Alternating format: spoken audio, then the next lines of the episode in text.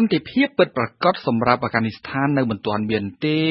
តែនីតិវិធីស្វែងរកសន្តិភាពបានចាប់ផ្ដើមជាមួយនឹងការទម្លាក់កណ្ដុងកំភ្លើងចុះរវាងទ័ពអាមេរិកដែលកំពុងឈរជើងលើទឹកដីអាហ្គានីស្ថាន និងកម្លាំងឧទាមតាលីបង់រយៈពេលមួយសប្តាហ៍ដែលគេឲ្យឈ្មោះថារយៈពេលនៃការកាត់បន្ថយអំពើហិង្សានេះជាលទ្ធផលជាក់ស្ដែងដែលទទួលបានលើកដំបូង តាំងពីអាមេរិកនិងតាលីបង់បានផ្ដើមកិច្ចចរចាសន្តិភាពរវាងគ្នាក្នុងរដូវក្តៅឆ្នាំ 2018 ប្រសិនបើពីថ្ងៃទី21ដល់ថ្ងៃទី28កុម្ភៈគ្មានការផ្ទុះអាវុធឬអំពើហិង្សាអ្វីកើតឡើងទេអាមេរិកនិងតាលីបង់បានឯកភាពជួបគ្នាជាថ្មីនៅក្នុងទីក្រុងដូហាប្រទេសកាតានាថ្ងៃទី29កុម្ភៈដើម្បីចុះហត្ថលេខាលើកិច្ចព្រមព្រៀងសន្តិភាពមួយពិតប្រាកដនិងពេញលេញ។ រយៈពេលនៃការកាត់បន្ថយអំពើហិង្សាមួយសប្តាហ៍ជារយៈពេលមួយដែលអនុញ្ញាតឲ្យមានការវាយតម្លៃលើសុឆន្ទៈភាពស្មោះត្រង់និងភាពប្រកបប្រជារបស់ភាគីនីមួយៗក្នុងការគោរពលើកិច្ចសន្យាទម្លាក់កណ្ដុងកំភ្លើងចុះនៅទូទាំងប្រទេសអាហ្គានីស្ថានរហូតមកដល់ពេលនេះភាគីនីមួយៗសុទ្ធតែបានបដិញ្ញាចិត្តគោរពឲ្យបានខ្ជាប់ខ្ជួន។ បើអាមេរិកនិងតាលីបង់ពិតជាបានចុះលេខាលើកិច្ចព្រមព្រៀងសន្តិភាពរវាងគ្នាក្នុងថ្ងៃទី29កុម្ភៈមែន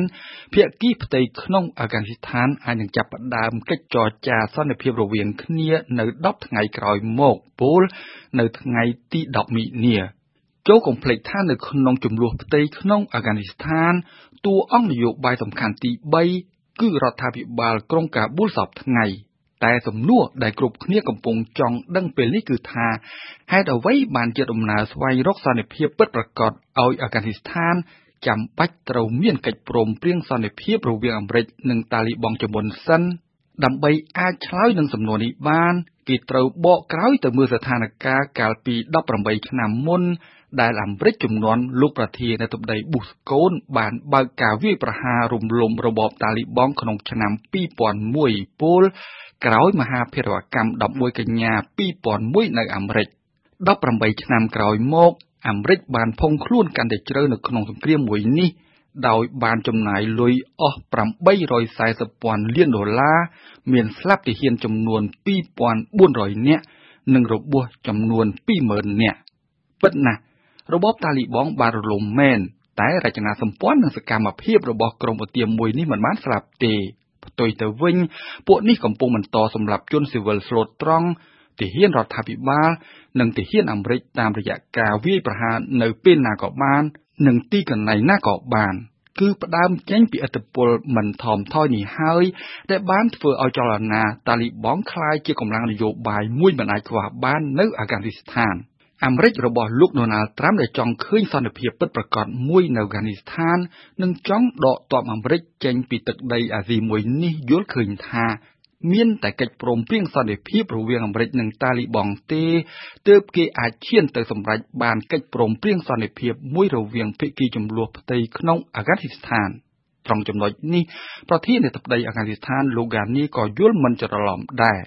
តែបញ្ហានៅត្រង់ថានៅក្នុងជួរកងទ័ព មានមន្ត្រីយោធាជាន់ខ្ពស់មួយចំនួនបានទាត់ចោលជាស្រេចលើគំនិតនៃការវិលចូលឆាកនយោបាយវិញរបស់ពួកតាលីបង់មន្ត្រីយោធាជាន់ខ្ពស់អាហ្គានីស្ថានមួយចំនួនបានចោទជាសំណួរថាកម្លាំងរដ្ឋាភិបាលកំពុងមានព្រៀបខ្លាំងលើពួកឧទាមតាលីបង់ហើយចុះហេតុអ្វីបានជាត្រូវចរចាជាមួយពួកនេះទៅវិញឃើញថាចង់ឬមិនចង់ ការប្រជុំមុខដាក់គ្នាហាក់ផ្ដើមលេចរូបរាងរួចជាស្រេចរវាងតាលីបង់និងរដ្ឋអំណាចក្រុងកាប៊ូល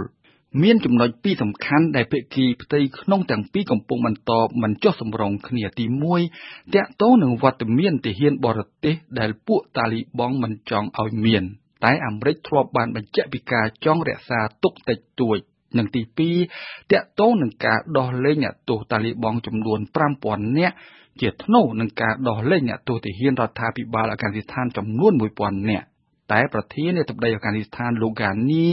បានបដិសេធយ៉ាងដាច់អហង្ការតើដំណើរស្វែងរកសន្តិភាពពិតប្រាកដមួយឲ្យអាហ្គានីស្ថានមិនមែនកំពុងទទួលបរាជ័យទេឬយ៉ាងណាវាហាក់ដូចជារហ័សពេកដែលគេហ៊ានសន្និដ្ឋានយ៉ាងណានោះអ្វីដែលគេអាចនិយាយបានរយៈពេលនៃការទម្លាក់កណ្ដុងកំភ្លើងចុះរវាងអាមេរិកនិងតាលីបង់ពេលនេះ